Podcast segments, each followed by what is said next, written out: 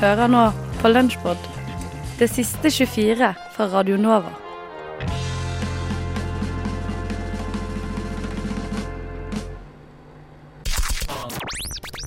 Den femte statsmakt. Radiotjenesten.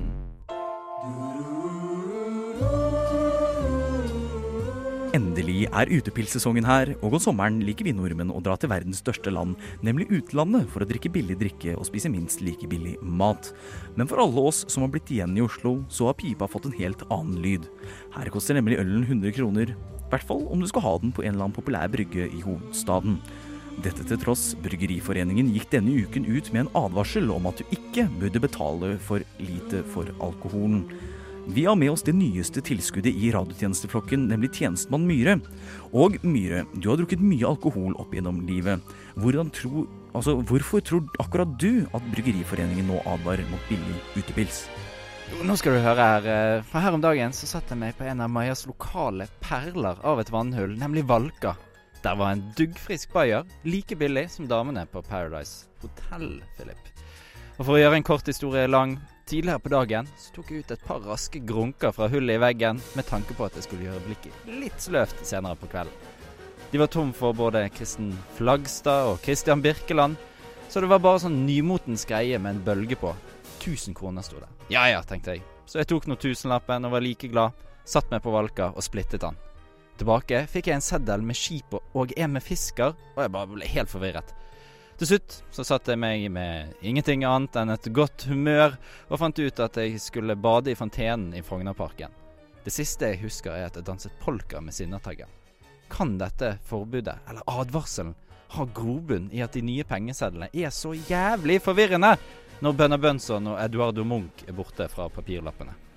Nei, jeg tror ikke det, altså, tjenestemann Myhre. OK, ok, hør, hør denne. Ja, okay, ok, For, ok. for nei, Jeg har nemlig et uh, rimelig habilt ninjatriks selv for å gjøre velkomstdrinken hakket billigere når jeg inviterer på bygdedans hos meg. Okay.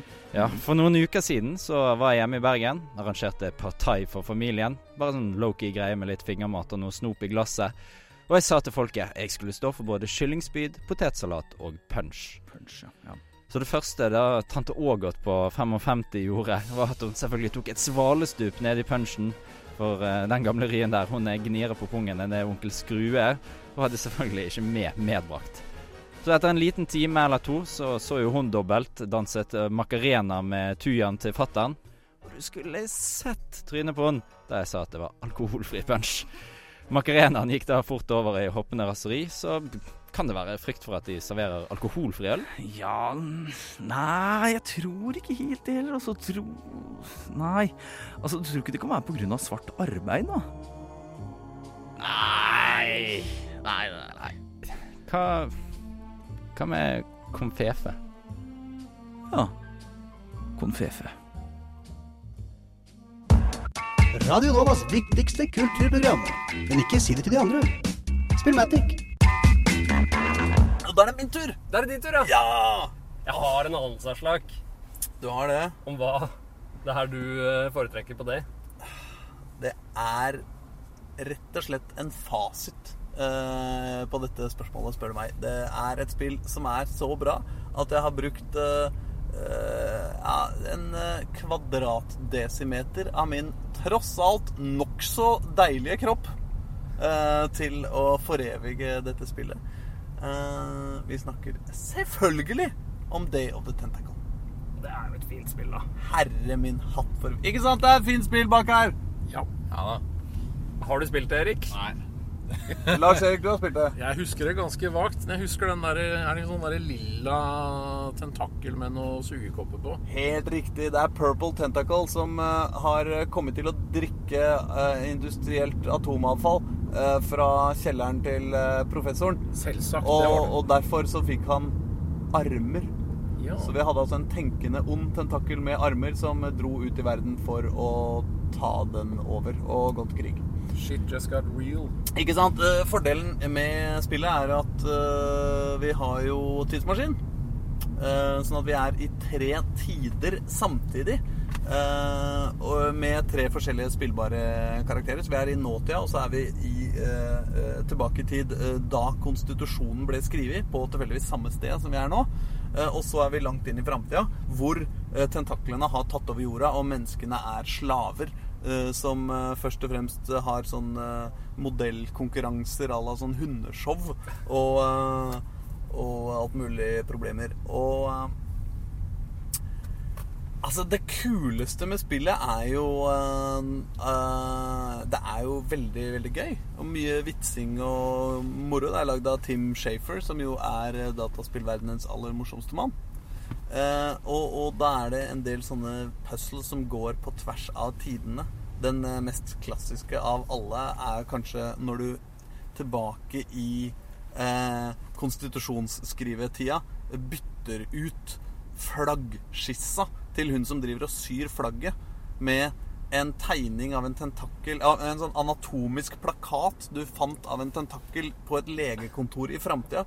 Sånn at det amerikanske flagget blir en tentakkel, og du dermed i fortida i framtida igjen kan ta på deg det amerikanske flagget og kle deg ut som en tentakkel. Det er veldig fint. Og så er det gøy eh, når du i nåtida eh, eh, setter en eh, eh, Legger en, eh, en ullgenser i vaskemaskina, og du 200 år inn i framtida går inn i det samme rommet, og du sier pling! Og uh, ullgenseren er ferdig vaska, og nå akkurat perfekt størrelse for en hamster som trengte en genser for, fordi den hadde blitt kald. Nei, herre min hatt for et fett spill Det og det Tentacle være, altså. Jeg greier, greier nesten ikke å si det. Jeg syns du har greid det ganske bra. Jeg, Takk. jeg fikk lyst til å spille det igjen. Jeg husker da vi i, eh, i hine hårde dager starta dette radioprogrammet som heter Spillmatic, Ja. så hadde vi en idé om å ha en uh, spalte hvor jeg skulle spille meg gjennom eh, spillhistorien. Spille noen klassiske, gamle, gode spill. Men du var for lat. Nei, jeg gjorde det litt, skjønner du. I begynnelsen. Okay. Det var ikke, det, den levde ikke utrolig lenge, den spalten. Det kom altfor mange nyheter som jeg hadde lyst til å spille. Men et av de spillene jeg spilte, det var Day of the Tentacle, og det var så jævlig kult. Det hadde, jeg aldri spilt før. Men nå kjenner jeg at jeg har meget lyst til å spille det igjen, altså. Den har jo akkurat kommet i en remake. Er det tilfellet? Ja, ja, altså Du får den på PlayStation og greier. Vet du hva? Dette skal, dette skal jeg laste ned. Jeg snur bilen. Jeg skal hjem og laste ned Day of the Tentacle. Nei, nei, nei, vi har bare 176 km igjen. Og vi, vi har faktisk fortsatt ikke kommet inn i Drammen. Nå går det sakte her. Ja, dette går for sakte. Altså, nå begynner det å spøke litt for å rekke avspark. Ja, For det er en time til kampen begynner. En time og ti minutter. Ja, Og, og det- GPS-en sier 50 minutter til Eller 48 da, minutter til vi er framme. Å, faen. Dette går ikke så fort. Så Nei. vi får håpe det køen uh, løsner opp etter uh, Norges største veikryss, Drammen. Men hvis det er noen eh, trøst for dere lyttere, så er en time i radiotid er mye kortere. Heldigvis. Uh, sånn at dere skal slippe å høre på oss en hel time til, altså. Gud veit hvordan det kommer til å gå. Men, men sånn er det. Kroppsleiven. Du er på luften, Kroppsleiven. Vær så god. Du er på luften. Ja, takk. Du hører på frokost på Radio Nova. Ah, yeah. Padshot, motherfucker. Det var Linda Vidale og King Skurk One med Bangshot, som de staver det. Eh, hva syns vi om språkbruken her, Fredrik? Jeg må si jeg kjenner meg veldig igjen i teksten. Altså. Ja. Uh, er du hypp på å bli skækk, eller? Det, men det er ikke jeg. Og vi fant jo også ut at Bangshot, motherfucker, det er veldig smør på flesk. Det er smør på flesk, vet du, fordi eh, jeg har lenge lurt litt på hva panshod eh, betyr, fordi det har jeg hørt holdt på å si pakistanske, indiske miljøer. Ja. Jeg har hørt det blitt sagt, og så har jeg på en måte aldri skjønt hva det betyr. Og nå har vi funnet ut at det kommer fra Punjab, Ja. Eh, og det betyr søsterknuller. Det gjør visst det, og det er jo ikke noe hyggelig ord. Men eh, det er jo altså, som du sier, smør på flesk når de sier eh, panshod motherfucker. Ja. Så det de, da, det, det de prøver å få fram i den låta, er at uh, du har deg med alle mine kvinnelige slektninger, nesten. Men de glemte jo Jeg føler sånne indiske familier og pakistanske familier har jo ofte bestemor på slep også. Uh, og jeg savner, jeg savner et eh, ord som, eh, som eh, bestemorknuller også, rett og slett. Eh, Da har vi et, eh, en beskjed til hele den indiske verden. Ja. Få et ord for det. Ja. Coca-Cola ble egentlig oppfunnet av Bjørnstjerne Bjørnson. Visste du at Hitler faktisk overlevde andre verdenskrig og bodde resten av livet sitt i Sør-Amerika? Hovedstaden i USA er faktisk New York. Visste du at vikingtiden faktisk varte helt til 1800-tallet? Fredriks utrolige fun facts fra historien. Hjertelig velkommen til Fredriks utrolig fun fact fra historien. Eh, Jeg heter Fredrik, selvfølgelig. Og du hører Hei, på, Fredrik. Du hører på Heil, Fredrik. Hei, Fredrik. Ok, eh, jeg tenker vi bare kjører på, fordi her har jeg plukket ut en del artige fun facts som jeg må fortelle deg, Theis. Og deg, lytter. Jeg må bare kjøre gjennom, for det er masse her. Picasso sitt fulle navn er Pablo Diego José Francisco de Paula Juan Neposendo Maria de los Remidos uh, Cipriando de la Santissima Trinidad Druis y Picasso. Jeg prøvde å telle, og jeg endte på sånn 15-16 Det er navn. eh, et av de lengste navnene jeg har noensinne hørt. I den viktorianske æraen så hadde de spesielle tekopper som uh, eh, beskytta din store bart, sånn at den ikke ble våt eh, med te. Veldig aktuelt for deg, Fredrik. ja, faktisk. Jeg har jo en bart. Den er ikke like fantastisk som de bartene der, men eh, jeg trenger eh, også en sånn kopp. Charles Darwin og Abraham Lincoln L Abraham Lincoln Li Lincoln Jeg blir alltid så Lincoln. Ja, Lincoln. De ble født på samme dag. Oi. Det er helt utrolig. Det er to uh, viktige mennesker i vår historie. To skjeggete mennesker som var litt lite skjeggete på den tiden, men uh, det var en skjebnesvanger dag for uh, vår verden. Eller en flott dag. Ja. Og så Dette er jo veldig morsomt, da. Det skal man forresten ikke si, har jeg, har jeg hørt, men uh, det gjorde jeg. Men uh, i 1920-tallet, på 1920-tallet, så var det et yrke, i, eh, spesielt i England, tror jeg det var, jeg leste om det i stad, som hvor uh, du ble ansatt for å gå du, du ble kalt en knocker-up, Fordi det fantes ikke vekkerklokke, eller iPhone selvfølgelig. Så for å bli vekt i tide til å gå på fabrikken og tjene penger, så ble du da vekket av en som sto Jeg kan vise deg bildet her, Theis. Det er et eh, bilde fra England. En som står med en lang, lang lang Oi, stokk og slår. slår og banker på vinduet ditt. Og de brukte ofte sprettert også, leste jeg. Og de stoppa ikke før du kom ut og ba de slutte. Det er mistenkelig likt eh, Knock Her Up. Det er en helt annen jobb. og Det gjorde han etterpå. eh, Etter det kom hjem fra jobb. Og så, helt til slutt, eh, veldig morsomt Etter at han hørte at en mann nesten døde etter han holdt inne en eh, promp under middagen, så bestemte keiser Claudis, Claudius eh, bestemte seg for at eh, det skulle være lov for alle romere å fjerte ved eh, middagsbordet. Fordi det var farlig visstnok å holde inne. Det får være budskapet til deg, kjære lytter. Ja. Promp hvis du må. Ikke hold det inne. Det er ikke sunt. Nova Noir presenterer Ghibli spesialsending. Anime er animazing. Sugoi!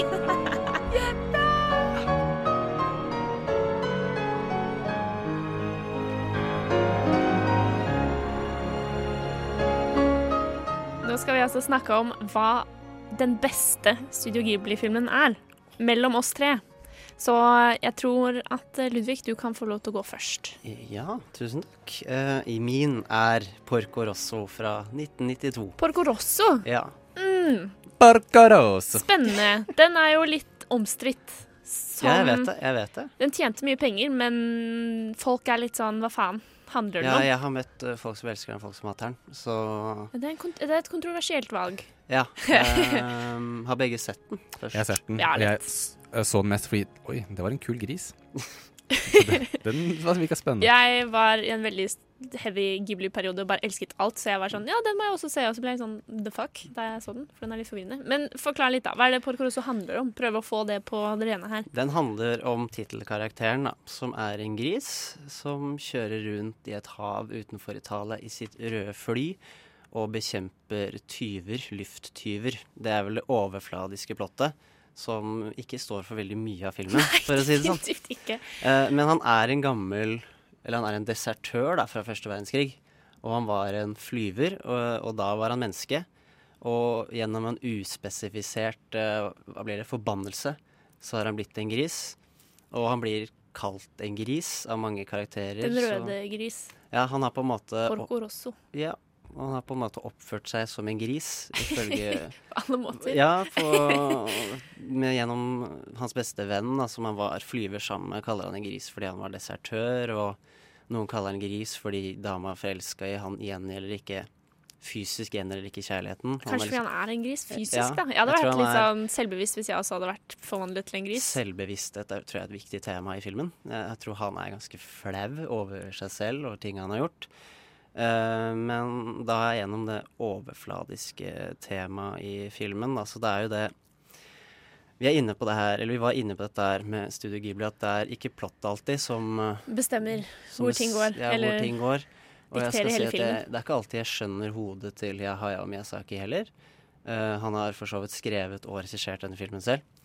Han gjør ikke alltid det i Ghibli.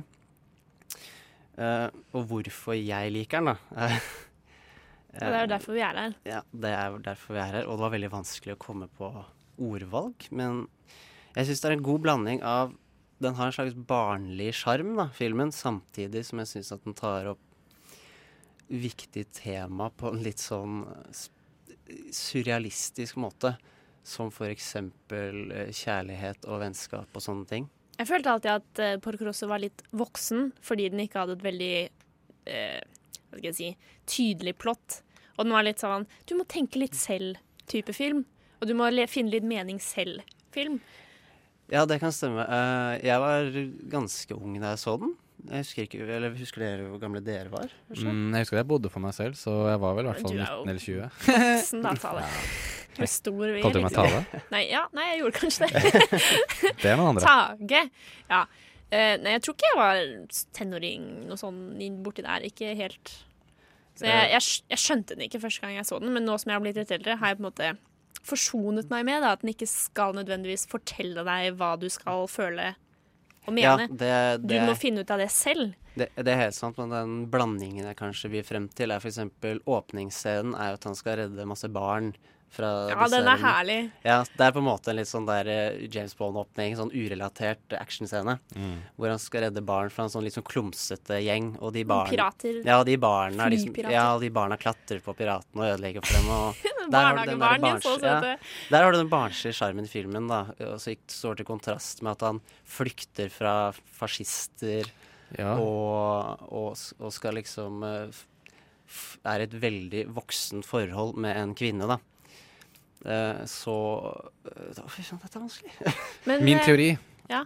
sorry for å avbryte, Julie, Nei, er at uh, filmen som prøver å snakke om det at eh, kanskje at uh, Japan var med i andre verdenskrig. At de har liksom, at, for at det virker som den karakteren har mye sånn skyldfølelse for at han var med var, eh, At han stakk fra krigen og sånne ting. Så da har de litt sånn der at det er paralleller. Sånn, sånn, det er sånn typisk sånn der, eh, noe som heter ronin på japansk. Sånn der desertør Eller sånn samuraier som ikke har en sånn Har en herre. Har en Jeg så 47 Ronin med Keanu Reeves, nemlig. Så jeg vet hva Den det er. filmen suger for ja, den er sugdårlig, dårlig, men det var ikke det vi skulle snakke om. Men jeg syns også Han er en slags ronin, han på et Ja. også. Ja, på flere måter. Og japanere elsker jo å ta en samuraikultur i alt de lager, omtrent. Eh, men Men altså, vi drar jo vikinger inn i alt også, så jeg Ja, kan jo for så vidt sant. forstå det. Har du jævlig fet kulturarv, du hvorfor ikke bare bruke det for alt det er verdt? Use it for shit. Liksom. Det er bare bruk det. Eh, men eh, der jeg syns den stråler veldig bra, og er den metaforiske bruken hva hele, hele filmen på en måte er Fraskriver seg på en måte fraskriver på, eh, fraskriver på en måte at de må gi mening, fordi vi har jo begrepet at alt kan skje når griser kan fly. Åh, det har jeg ikke tenkt Nei, på! det er, What? det er det beste med hele filmen, at det er en gris som flyr her. Så Åh, da, Ludvig, you blew my mind! så nå kan, Hallo! så nå, ja, det er, jeg har alltid tenkt at det er sånn jeg har lest filmen, Shit. Sånn, Hele mitt liv. Nå liker jeg den filmen sykt mye bedre. Ja, og, ja. Julie bare drar seg i ansiktet og bare Oh my god! Jo, men ja, som sagt, jeg så den da jeg var jeg vet ikke, tenåring, og så kommer du her og bare Nei, nei. Her er, det en gris, her er det en gris som flyr. Riktignok eh, med et redskap, men han flyr. Mm. Og da kan vi liksom, da tenker jeg ja, nå, nå, kan han, nå kan vi gjøre hva vi vil. Jeg vet ikke om de tenkte sånn at de brainstorma om filmen, men uh, det er sånn jeg har lest filmen. Uh, og det har i hvert fall hjulpet meg i å like filmen uh, så godt som jeg gjør, da. Så summa summarum, blanding av familiefilm, det barnlige, med voksne forhold, og denne metaforen som jeg elsker, en av mine yndlingsmetaforer i film, selv om det kanskje bare er jeg som mener at det er sånn, så er det grunnen til at jeg setter Porco Rosso veldig nært. Ikke bare som en Studio Ghibli-film, men som en film. Du hører på En sydenferie. Du hører på En sydenferie. Du hører på En sydenferie. Si det. Det kribler og vokser rundt eh, bordet, eh, og vår oransjehårede venn Peter Eh, Peter, dette er originale Peter. Og det, Ja, der har du hyggelig. eh, Vi har vikar-Peter. Som vi er- liker bedre enn deg, Peter. Ja, han ser bedre ut enn meg også, så jeg merker det. Han gjør det. Men vi er bare på radio, så da er vi, tar vi takk til deg, eh, Peter. Original. Nå har jeg ikke hørt stemmen hans, da, så det kan godt hende han har bedre ja, den stemme. altså. Jo, vi har hørt ikke. stemmen hans, og den er også bedre enn din, Peter. Det er sånn det er å være Peter. Velkommen. Takk, takk. Uh, du har funnet deg plass. Uh, vi starta på desserten med litt Kvikk Lunsj havsalt. Har du fått? Nei, det er ikke så Uh, Er det peanøttrydden? Nei, det er ikke det, men jeg bare jeg er ikke så fan av uh, Ok. sjokolader, da. Mer sommerkroppen, Rekker jeg bare å eh, løpe inn og hente sigg og mer vin? Klart du rekker. Før herrenes. Før herrenes. Helt, helt klart. Vi uh, sitter her i Syden og ser jo at det kommer folk langveisfra med tanktops og det som eh, Men er det for være. å se uh, utstillingen, eller er det for å høre på Syden? Jeg kan nok se for meg at folk har kommet hit i dag. La oss ikke spekulere i det. Nei, men uh, Fordi den, la oss, altså, den eneste som er her for å se Syden, det er jo Edvard. Ja, ja, det er det. Han er i hvert fall her for å styre teknikken i Syden, som er vel så godt. Vi uh, anbefaler at folk henter seg et glass vin. Ja. Og så eh, er vi klare for en herrenes tale hvert øyeblikk, Benedicte. Ja, jeg har jo da fått øh, Jeg må jo alltid holde herrenes tale, jeg, da. Ja, du Alltid blir jeg pålagt den oppgaven. Du, skrek vel om den egentlig. Du ba vel spesifikt om den og sa 'jeg skal faen meg snakke til herrene'. Ja, men nå sitter vi jo rundt et langbord. Det er selskap, det er selskapsleker, det er drikkeviser, og da må man ha noen taler. Og, og hva er mer naturlig da enn at jeg som eh, minoritet, som kvinne i denne gjengen, holder herrenes tale. Hva er kommer nå? Komplekson for underlivet. Er den nye oljen. Da er vi klare for den uh, flotte talen, Benedicte. Det var litt oppspark. Ja. Er det komplekset for underlivet vi skal få her? Jeg må jo innrømme at uh, denne talen Jeg har jo blitt inspirert av uh, noen som holdt damenes tale Ja. i sin tid. På det berømte julebordet. Som Ja. er bare interessant for de som var der. For Radio Nova? Unnskyld jeg ja, men Jeg får så sjokoladeslim i halsen, eh, Emil. Du får bare bære over med meg. Ja, ja, ja, ja, ja. Er det noen her som har en lighter? Kan de som har lighter, vennligst melde seg til sekretariatet? Bra, men da tror jeg derfor vi trenger andre deg, skal være stille, for da er det er. Klart med tale i dette selskapet. Emil, jeg regner med at du er klar med damenes etter dette? Eh, ja, damer. Hold på hatten. Hei, gutta. Dette er oss jentene som snakker. Dette er delen av programmet der vi hyller dere. Vi jenter vet at dere gutta noen ganger blir litt oppgitt over oss. Vi vet at vi noen ganger er litt for opptatt av kukkene deres, og at vi kanskje tenker litt for mye med fitta. Men det er ikke så lett, da. Det er ikke så lett å la være når dere er så søte og har kukker som dere jo har. Hvis man ser på et bilde av Unnskyld. Kukkens anatomi, ser man at den er rar og inneholder mange komponenter og intrikate slangesystemer som rett og slett blir vanskelig for oss jentene å forstå noen ganger. Mm. Fordi, la oss innse det, menn og menns kukker er mysterier for oss. Dere gutta er ofte redde for oss damene. Når dere hører en damegjeng le høyt, så blir dere redde for at de ler av kukkene deres. Mens sannheten er at de bare ler av det morsomme den ene sa, og noen ganger av kukkene deres. Men gutter Dere har andre egenskaper også, utenom de tidligere nevnte kukkene. Jeg må ta en pause. Gato Negro. Dere er flinke til å se på TV, la være å baksnakke og heller løse ting med vold. Og dere er dessuten flinke til å fortelle om ting dere har drømt. Ja, kjære gutter, hva hadde vel vi damer vært uten dere? Vi trenger dere menn. For å overleve.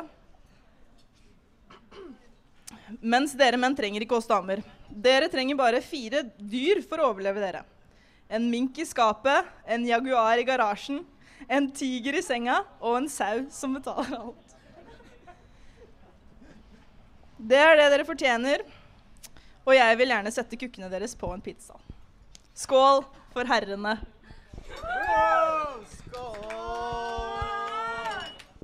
Hvis de ser på meg og ser på han, da, hvem er det du skal kalle meg?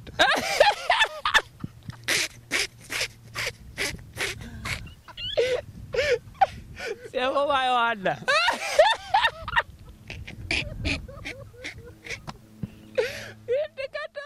Benjamin, vi må eh, ta opp en ting, for som vi nevnte før låten her, så skulle vi snakke om mannen med flest landskamper for det norske herrelandslaget i fotball, nemlig Jon Arne Riise. Hva har denne noe PR-kåte mannen fra Sunnmøre funnet på nå, da? Som vi nevnte før forrige låt, så, så er, han, er han en fyr som stiller opp med mye, mye rart og mye, mye bra, på en måte. Um, uh, har sikkert takka nei til noe, men det er ikke, ikke det vi vet om. Uh, det bryr vi oss heller ikke om. Uh, dette er jo ikke det rykeste, ferskeste nyhetene, men for noen uker siden så var han, han i Malaysia for å gjøre et lite intervju, da, eh, tydeligvis om eh, eh, Solgt inn som et magasin om, om eh, en fast spalte, på en måte, om eh, eh, gamle Liverpool-stjerner, eller gamle på en måte Premier League-stjerner. da. Det er jo en gammel uh, britisk koloni, Malaysia. Så det er jo Er det ikke Manchester United uh, Legends det heter?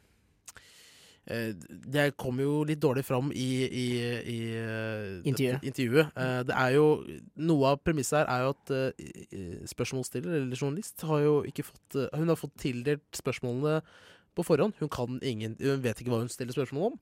Hun har bare fått et manus. Ja, eh, med påskuddet av at de vel i utgangspunktet skal terge denne oksen fra Ålesund. eh, Og det får de vel til ganske greit. Det får de til veldig greit, for han er jo ikke kjent for å være den, den mest selvhøytidelige Eller han er kjent for å være kanskje en veldig selvhøytidelig kar. Han er vel Han har ganske store tanker om seg selv. Eh, han er jo ikke den som innrømmer eh, feil først. Eller Nei. på en måte uh, Selvransakelsen er ikke det som popper først opp i hodet når han- du tenker på eh, Jon Arne Riise. Han går vel veldig fort i forsvar hvis noen prøver å pike på han. Ja, da er det armene i kors, eh, lukket eh, kroppsspråk, og, og, og dertil eh, forsvarende kommentarer. Skal vi unne oss å høre en liten snutt av dette herlige intervjuet? Gjerne. Guys, welcome to another episode of Manchester United Legends. This week we have the man with the killer right foot, Jorn Arn Rice, with us. Did I say that right? Jorn Arn Rice? You said the name correctly, but Okay, can you? Sorry, could you tell me? I, this is my first interview, so I, I have to get this right. May I know who you are? I tried googling you, but nothing came up. really? Yeah, Well, first of or all, maybe I spelled it wrong. No, you said the name right, but you wrong team, Oh, wrong foot, shooting foot. oh. I, I like this question. Not every player gets a chance to lift the Premier League trophy. How did it feel like? You are so way off sometimes. Um, yeah, you are. Um, there's one thing I regret. I've never lifted a trophy. Oh. And you know when you travel all the way from Norway, coming here to interview, and you meet the journalists you're not prepared, that's Mhm. quite annoying. Tell us about your relationship with Craig Bellamy. we know you two have been the best of friends, but have you ever been jealous that he's always, you know, ahead of you? I mean, even on the field, that you play behind him. Right now, come on, man. I didn't come to Malaysia to to. You know what? I'm done. This is rubbish. Og der avbryter Jon Arne intervjuet. Um, tergende spørsmål. Ja, det, er- det er jo på en måte de verste tingene. Jeg ble jo i tillegg spurt om, eh, om eh, selvmålet mot uh, Premier League-laget Chelsea i semifinalen i Champions League i 2008, var det vel ikke det? Kan det ikke stemme. Um, om det var med vilje. Eh, jeg, jeg vil jo si at egentlig er det et betimelig spørsmål. Eh, har du, hvis, jeg gikk inn etter at jeg så det intervjuet her, og, og så på dette målet forrige dagen. Han henter jo den pent opp i krysset. Det er jo Altså, det ser jo ut som han har fått betalt for å gjøre det. For det, altså, det er jo du, Jeg skjønner ikke hva han tenker. Uh, men det er jo generelt mitt problem med, med stupheadinger i fotball. Jeg skjønner ikke hva poenget er mange ganger. Uh, men uh, han blir jo noe terga, og det, det kan vi jo forstå. Ja. Han kaster seg inn med hodet. Han har jo liksom eh, eget, eget hode mot eget mål, og så bare kaster han seg frem. Det er jo, man, det er jo dømt til å gå galt. Du får jo ikke en over mål fra fem meter. Nei, for det, det er det han prøver på. Det er helt tydelig at det er det han prøver på. Men Enten det, det eller, eller å heade den i hendene på Pepe Reina, som står ca. 3,5 meter unna han. Ja, Og så så god kraft å få på ballen, da. Altså, så hardt han header. Det er liksom ikke Nei, fy fader. Uh, for øvrig, det Liverpool-laget der, det, det fortjener Ja, det fortjener ransakelse med Dirk Haut og Rain Babel på hver ving. Det uh, Ja, det får ikke, får ikke ståpels av det, for å si det sånn. Du har hørt en podkast fra Radio Nova. Likte du det du hørte? Du finner flere podkaster i iTunes og på våre hjemmesider radionova.no.